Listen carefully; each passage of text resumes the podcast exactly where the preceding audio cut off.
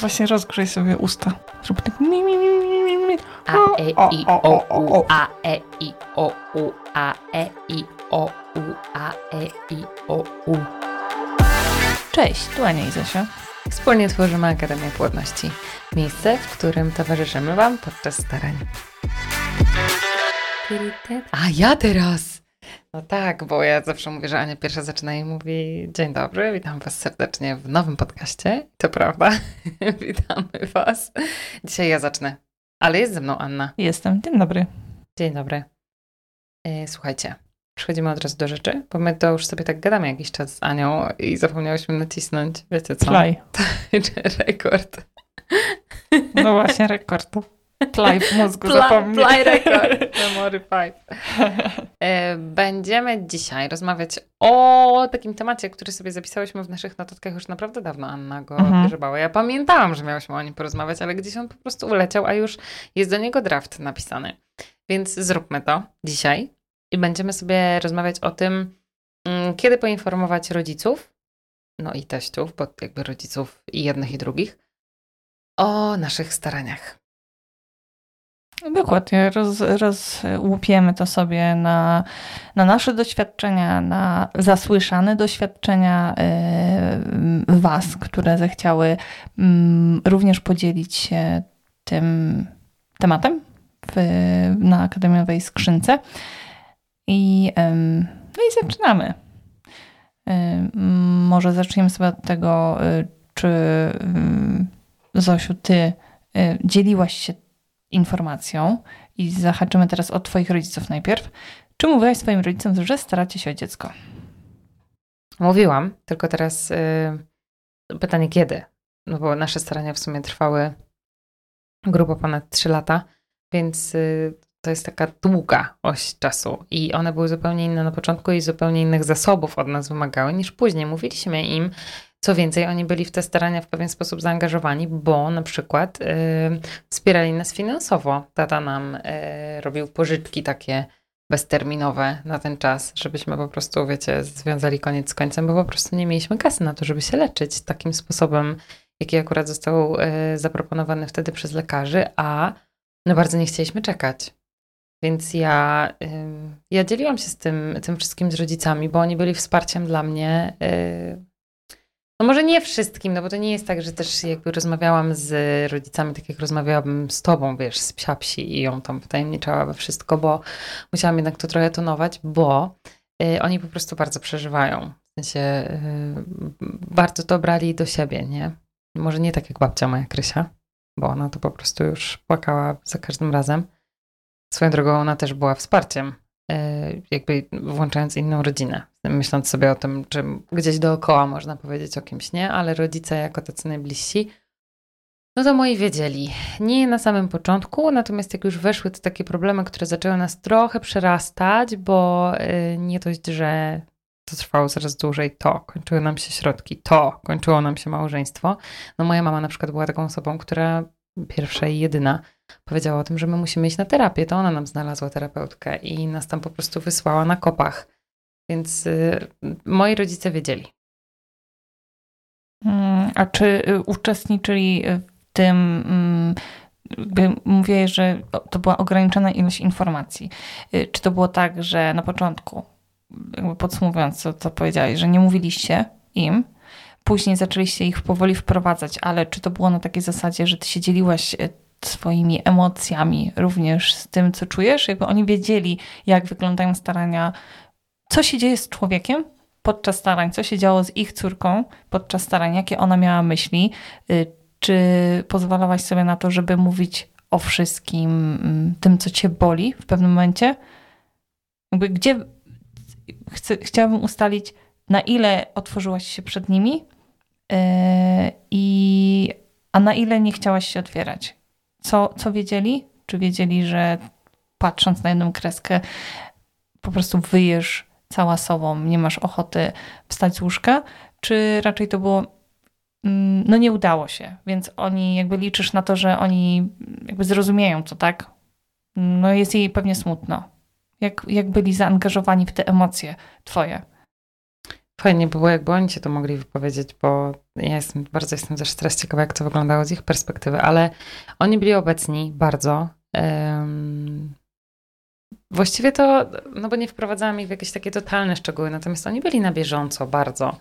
I jak sobie teraz to wspominam, to byli wsparciem niesamowitym. No kojarzę jakieś takie, wiesz, moje, moje dojścia do ściany wielokrotne i kojarzę ich w tym momencie, no.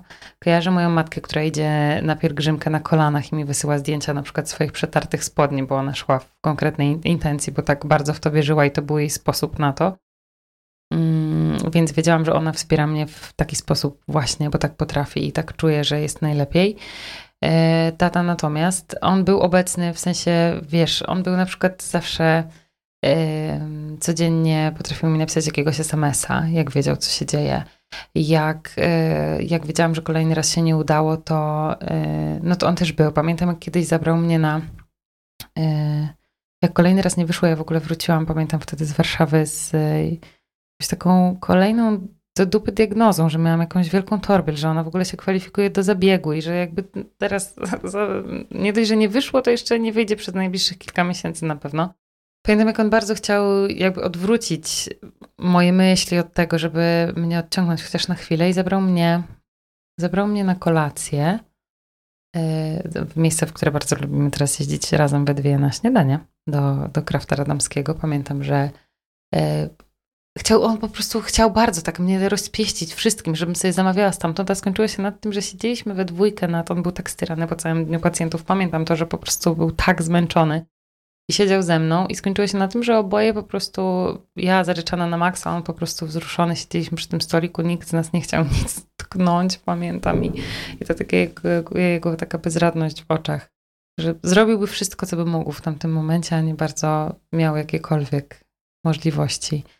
Y, o, teraz sobie w ogóle też bardzo uświadamiam, że jego strasznie mi brakuje i że, mm, że on podczas tych starań był takim bardzo ważnym filarem dla mnie, bo był bardzo wspierający. On był naprawdę codziennie i takim, wiecie, no na przykład o te pieniądze, my ich nie prosiliśmy, w sensie taty, on po prostu wiedział, e, ja mogłam się żalić na przykład, że to jest drogie i to wystarczyło, żeby on przyjechał na następny raz do nas z kopertą i powiedział, że, że tyle jest w stanie zrobić na przykład, nie? Dał nam też złotą monetę, to miała być jakaś tam moneta na wycieczkę, ale powiedział, że teraz to jest ważniejsze niż ta wycieczka, więc, więc to oddaję. To było takie.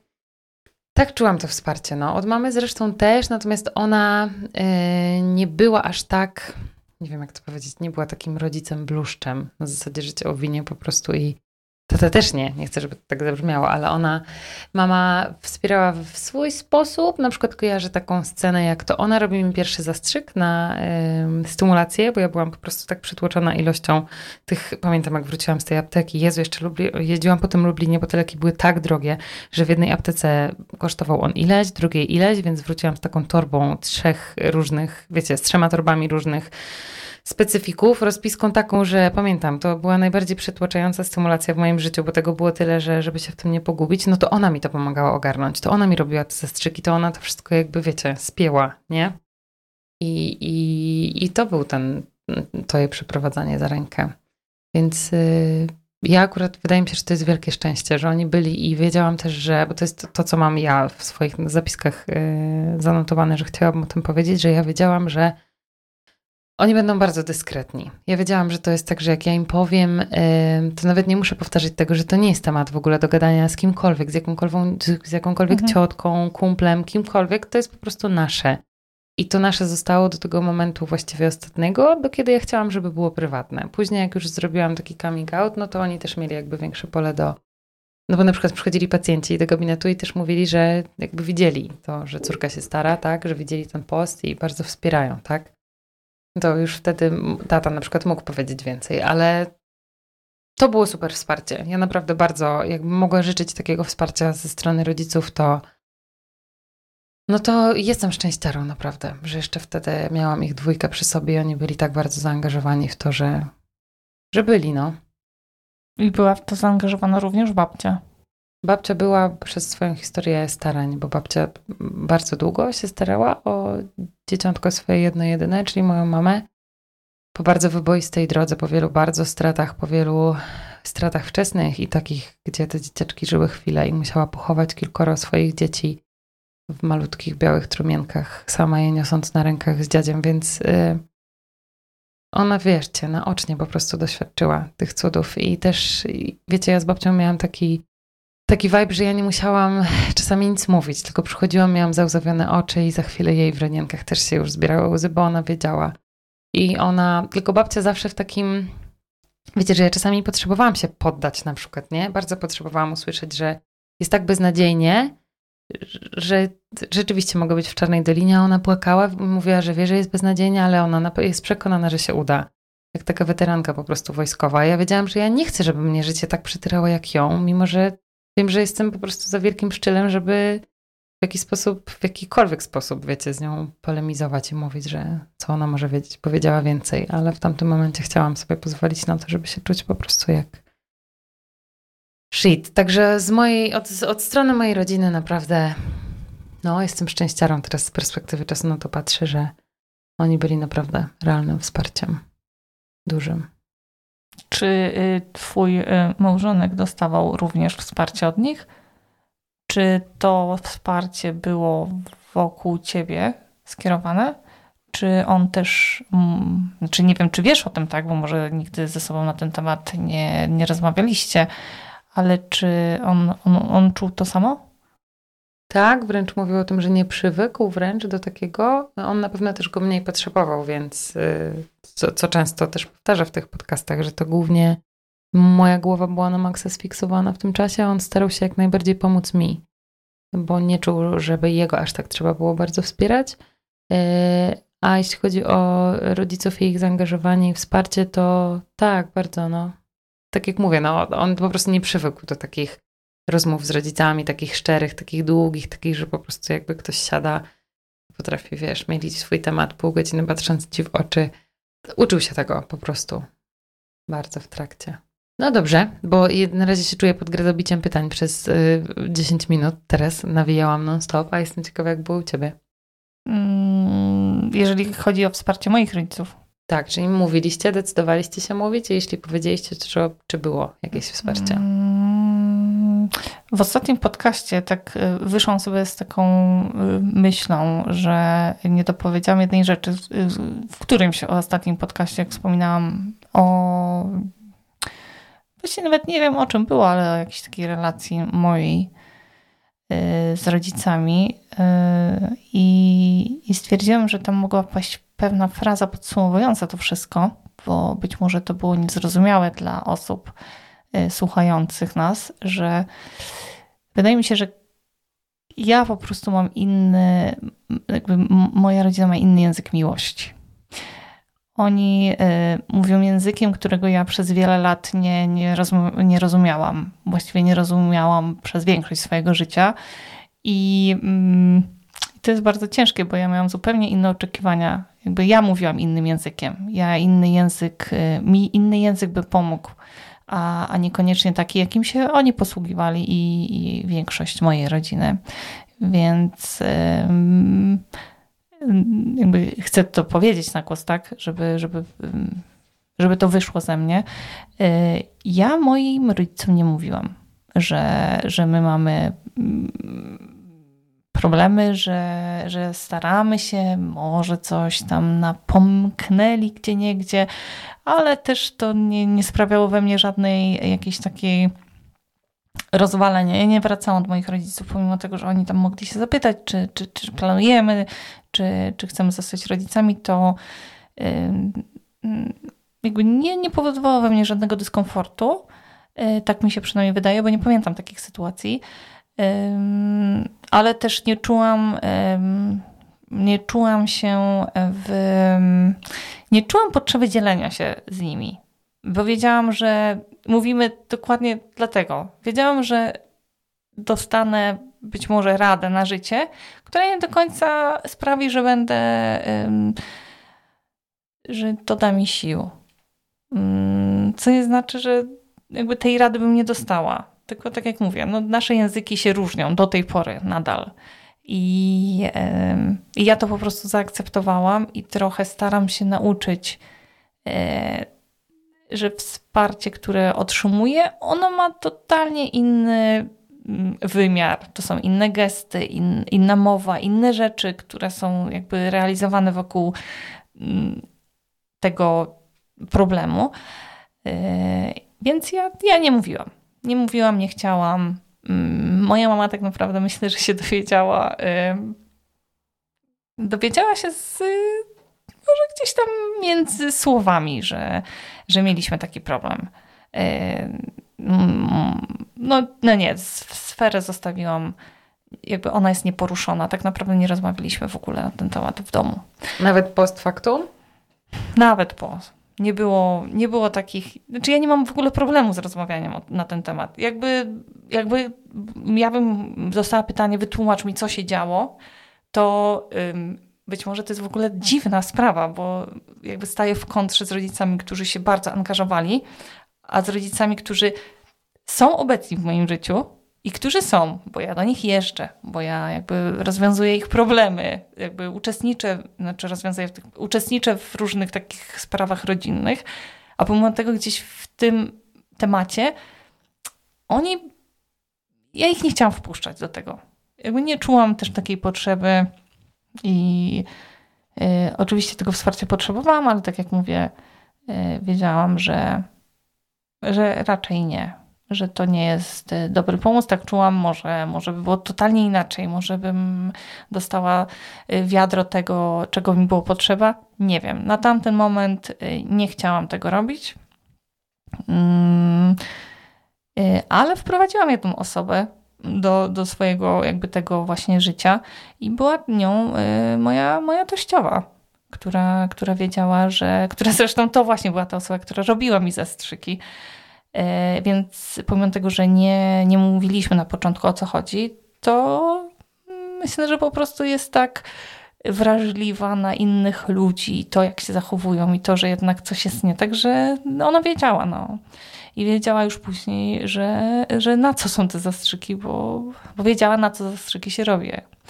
E, tego typu. Ze względu na to, że jest położną i, i po prostu kuma takie rzeczy. Yy, więc domyśliła się, nie zadawała pytań. I mi to, jakby ja wiedziałam, że mam od niej wsparcie. Ona wiedziała, kiedy przytulić i podejść i powiedzieć, że będzie dobrze. I dla mnie to zapewnienie było bardzo takie. Mm, było ok, było tyle, ile mi było potrzeba. Także z jej strony wsparcie czułam. I właśnie też wspominałam w innych podcastach, że niepotrzebnie może niepotrzebnie, teraz myślę sobie i później, w późniejszym, jakby po, podczas starań w późniejszym czasie, że mogliśmy po prostu jakby siąść i otworzyć się na, na to, że jest taka sytuacja, bo, bo może ja bym się czuła lepiej. Ta sytu- jakby to wsparcie może by się nie zmieniło wcale. Pojawiłoby się wcześniej, yy, ale mi by sama ze sobą, mi by, samej ze sobą mi by było lepiej, bo to chodzi tylko i wyłącznie o to, że Mm, ja sobie wyobrażam różne sytuacje, mm, które niekoniecznie może miały miejsce, różne takie demony w głowie tworzyłam na temat naszego związku i bycia beznadziejnym, jednak żoną mojego męża. Podyktowane właśnie tym, co myślą inni o mnie, co sobie pomyśli ktoś tam. Y, I to było takie, wiecie, nakręcające się, mm, nakręcająca się spirala właśnie nienawiści do samej siebie gdzie z każdego, jak coś mogło to podkręcić, to ja sobie to wyolbrzymiałam i wpadałam w takie właśnie swoje e, doły wykopane przez e, moje własne myśli. I tych dołów było naprawdę dużo. Bardzo dużo rzeczy mnie przytłaczało, które stworzyłam sobie w głowie, ale ja też nie potrafiłam mm, odejść od tego. Nie potrafiłam skupić się na samych faktach, tak jak to robił mój mąż bo, bo jakby on potrafił gdzieś te może w większym stopniu emocje stłamić, a ja na, nade mną przejęły kontrolę emocje i, i to, co sobie właśnie wyobrażałam. E, ale ja nie potrafiłam inaczej. Nie potrafiłam. I nie wiem, czy bym potrafiła, nawet jakbym wiedziała, że mm, no to jest już gdybanie, prawda? Bo, bo nie wiem, co by było, gdyby. Ale może ktoś nas właśnie usłyszy i pomyśli sobie o tym, że jakie są fakty, a jakie są, co jest obok. Nie wiem. Ja nie wiem, czy bym potrafiła, ale bardzo bym chciała na pewno, tak myślę, y, usłyszeć, bo rzeczy, które mi pomogły podczas starań, to były właśnie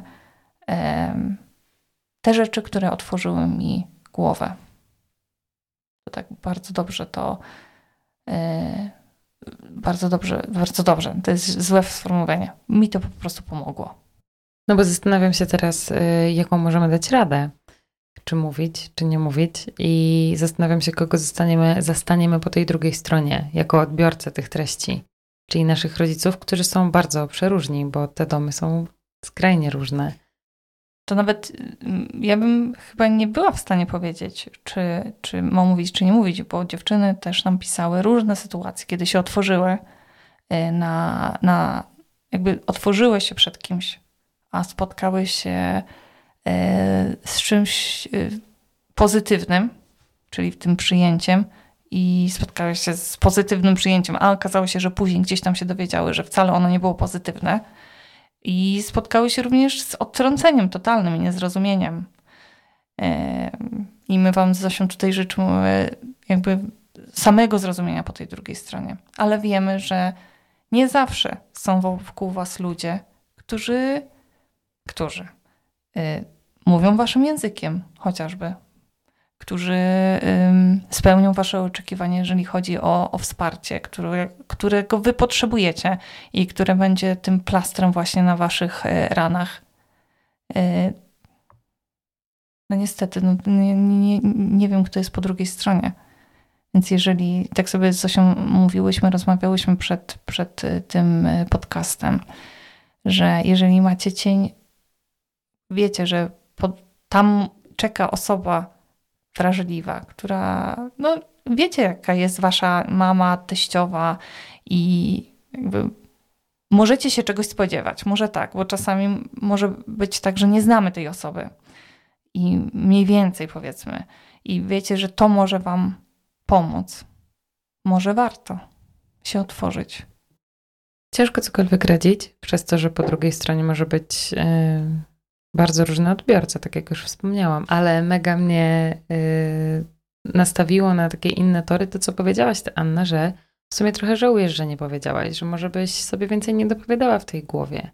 Że jakby na tamten moment wtedy to było za trudne i za dziwne i za właśnie inny język, może do tego, w którym wyrastałaś, a teraz z perspektywy czasu patrzysz na to inaczej. E, wiecie, co ja sobie zapisałam na takie najważniejsze dwa punkty, które e, wydaje mi się, że one zawsze powinny być spełnione w momencie, w którym dzielisz się z kimś tak intymną rzeczą. To pierwsza z nich to jest w ogóle totalnie e, fundamentalna i obligatoryjna do spełnienia, czyli to, czy ta osoba będzie potrafiła dochować tajemnicy, czy to jest osoba dyskretna. To by dla mnie musiało być spełnione, żeby mieć poczucie komfortu, no bo jednak wprowadzacie ich w naprawdę bardzo intymną sferę swojego życia i nie każdy jest na tyle otwarty, żeby o tym mówić wprost i wiecie, no, że jak dowie się sąsiadka albo, nie wiem, ciocia, albo nawet, nie wiem, teść, kiedy mówisz teściowej, ja bardzo byś chciała, żeby to zostało między wami, to musisz mieć tego pewność po prostu. I, i to, to bym chciała wiedzieć. I druga sprawa, którą ja bym chciała wiedzieć, zanim bym coś takiego powiedziała, to czy ta, czy ta osoba jest w stanie to dźwignąć razem ze mną czy ona po prostu będzie w stanie yy, mi w pewien sposób w tym towarzyszyć, czy ja jej tym nie przytłoczę za bardzo. I w tym momencie, jak wyobrażam sobie ludzi wokół mnie, to nie widzę nikogo takiego, bo możesz być po prostu obecnością, nawet jeśli nie wiesz, co masz w tym momencie zrobić, prawda?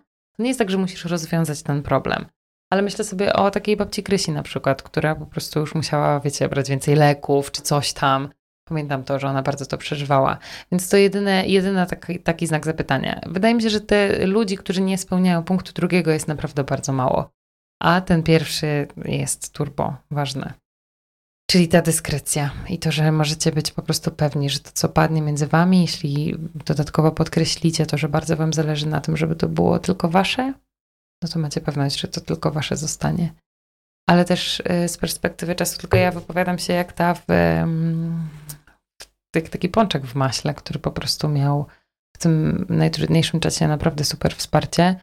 To też pamiętam, jak e, smakowało mi dzielenie się z tymi ludźmi e, wygraną. Że ja wiecie, ja nie wyskakiwałam tak jak e, Filip z Konopi, gdzie na przykład uśmiechem numer 10 zbywałam życzenia czy pytania podczas, nie wiem, wigilijnego, wigilijnej wieczerzy. Wiecie, ktoś tam się pyta, kiedy u nas, a ja się tylko uśmiecham, a potem swoje odpłakuję. Tylko po pierwsze miałam mniej takich e, przytyczków w nos, bo większość wiedziała, więc nie musiałam się narażać na to. A po drugie, w momencie, w którym wyszło, no to ci ludzie jakby cieszyli się, miałam wrażenie, 10 razy bardziej przez to, że jakby towarzyszyli nam w tym procesie. I jak mogłam w końcu im to powiedzieć, to było takie, że oni sobie zdawali sprawę z tego, ile to wszystkich kosztowało. Bardzo ta wygrana. Czyli podsumowując e, naszą rozmowę, tak naprawdę każdy musiałby sobie mm, przeanalizować, komu, po co, czy, czy warto, bo, bo czasami może po prostu być nie warto. Bo czasami jeszcze dostaniemy takiego przysłowiowego liścia w twarz, że, że zdecydowałyśmy i wcale nie będzie nam lepiej, tylko po drugiej stronie może znajdziemy osobę, która mm, lepiej by było jednak, żeby, żeby o tym nie wiedziała, bo może się okazać tak, i to również wiemy z Waszych wiadomości, że kiedy Wy się otworzyłyście na to wszystko, to wcale nie spotkałyście po drugiej stronie empatycznej osoby, która, którą wyobrażałyście sobie jako tą, która podaje wam pomocną dłoń, a na przykład taką, która totalnie nie rozumie, co się właśnie wydarzyło, która nie rozumie sytuacji, w której się znajdujecie, nie rozumie tego położenia, a jedyną radą, jaką spotkałyście, to, to, to na przykład jedna z Was pisała, że dostała przytoczoną historię na temat temu, że tam komuś się udało. Same wiemy, że to nie jest coś, co, mm, co w danej sytuacji, kiedy dzielicie się tym z osobą, żywą osobą, jest czymś takim mm, mega dodającym skrzydeł, bo to wręcz brzmi jak bagatelizowanie problemu. Ale może to była jedyna rada, na którą właśnie było stać tą osobę, osobę daną i która wcale nie miała nic złego na myśli. E, to tak myślę, że ile nie jesteśmy w stanie przeanalizować wszystkich sytuacji, co tam się wydarzy, jak zdecydujecie się, bo, bo nie jesteśmy. Chciałbyśmy tylko z Zosią Wam powiedzieć, że to jest, mo, może być różnie. Nie chcemy Wam przedstawiać kolorowego świata, że tak, że podzielcie się tym i to będzie na pewno lepiej Wam, prawda? No bo wywalicie to i po drugiej stronie, no, no Halek, my rozumiemy to, tak? Ania i Zosia, które są na tyle świadome, że mm, jakby wiedzą, jak się zachować w takiej sytuacji.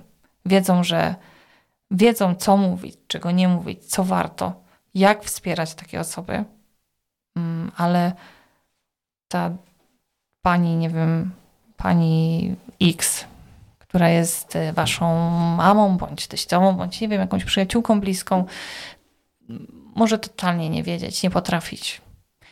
Może mieć właśnie ten inny język miłości, który dla niej to właśnie, że ona powie o tej e, koleżance Krysi, cioci Basi, że ona zaszła w ciążę. Jej się udało, to na pewno to by się uda. To może będzie jedyne, na co ją będzie stać.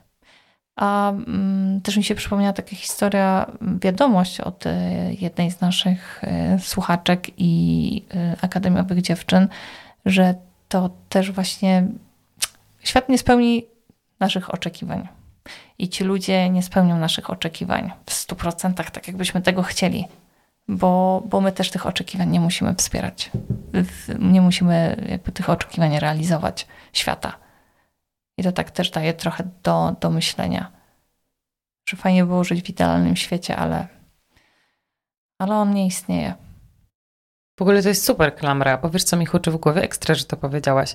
Bo huczy mi w głowie coś takiego, że jeśli zakończymy ten podcast takim mm, bardziej negatywnym niż pozytywnym wydźwiękiem na zasadzie, no nie wiemy, pamiętajcie, że nie wiemy, co was może spotkać, pamiętajcie, że tam zawsze może być policzek, a nie przytulenie, no to wyobrażam sobie kogoś, kto czeka teraz, ma takie wahania, czy o tym powiedzieć, bo bardzo już by chciał, ale wciąż się łudzi jednak w swojej głowie bardziej dokarmia te demony, które mówią mu na pewno tam będzie źle. On na pewno nie zrozumie, albo powie ci coś głupiego, albo powie, że bagatelizujesz. I ciągle tego nie robi, boi się wykonać ten krok, gdzie tak naprawdę bardzo potrzebuje w końcu się z tym y, podzielić z kimś tym. Więc boję się tego, żebyśmy nie zniechęciły kogoś. Z drugiej strony nie możemy wam, tak jak Ania powiedziała, zapewnić, że znajdziecie po drugiej stronie empatyczną osobę. Ale bardzo dużo pomaga brak oczekiwań. Czyli mówię ci o tym, bo bardzo chciałbym, żebyś wiedział, a nie dlatego, że mówię ci o tym, bo bardzo chciałbym, żebyś teraz zrobił to, a później tamto, a później jeszcze coś tam i to będzie najlepsze, bo ta osoba prawdopodobnie nie ma zielonego pojęcia, o co Wam chodzi, chyba że będziecie w stanie od razu wygłosić, co mogłoby Wam pomóc w takiej sytuacji. że na przykład wprowadzam cię w to, bo bardzo by mi pomogło, gdybyś robił to i to, albo gdybyś robiła to i to, albo gdybyś nie robiła czegoś, bo to kiedy to robisz, to sprawia mi to ból. No to wtedy ma, one, te osoby mają jasne narzędzia, z których mogą skorzystać, więc yy, wydaje mi się, że to są takie mocno uniwersalne rady, które mogą, które możemy spiąć. Co powiedziałaś na koniec było super. Zatem klamerką mamy nadzieję, że podejmiecie decyzje najlepsze dla Was, które się okażą z perspektywy czasu. I to by było w ogóle najsuper, jakbyśmy kiedyś dostały taką wiadomość, że tak, że coś się zmieniło dzięki temu podcastowi, dzięki naszej rozmowie. Właściwie sami zaczęliście sobie zadawać pewne pytania i znaleźliście na nie odpowiedzi. To, to było warto nagrać. I jak najwięcej empatycznych ludzi wśród Was Wam życzymy. Tego Wam życzymy. Trzymajcie się ciepło. Buziaki. Pa, pa.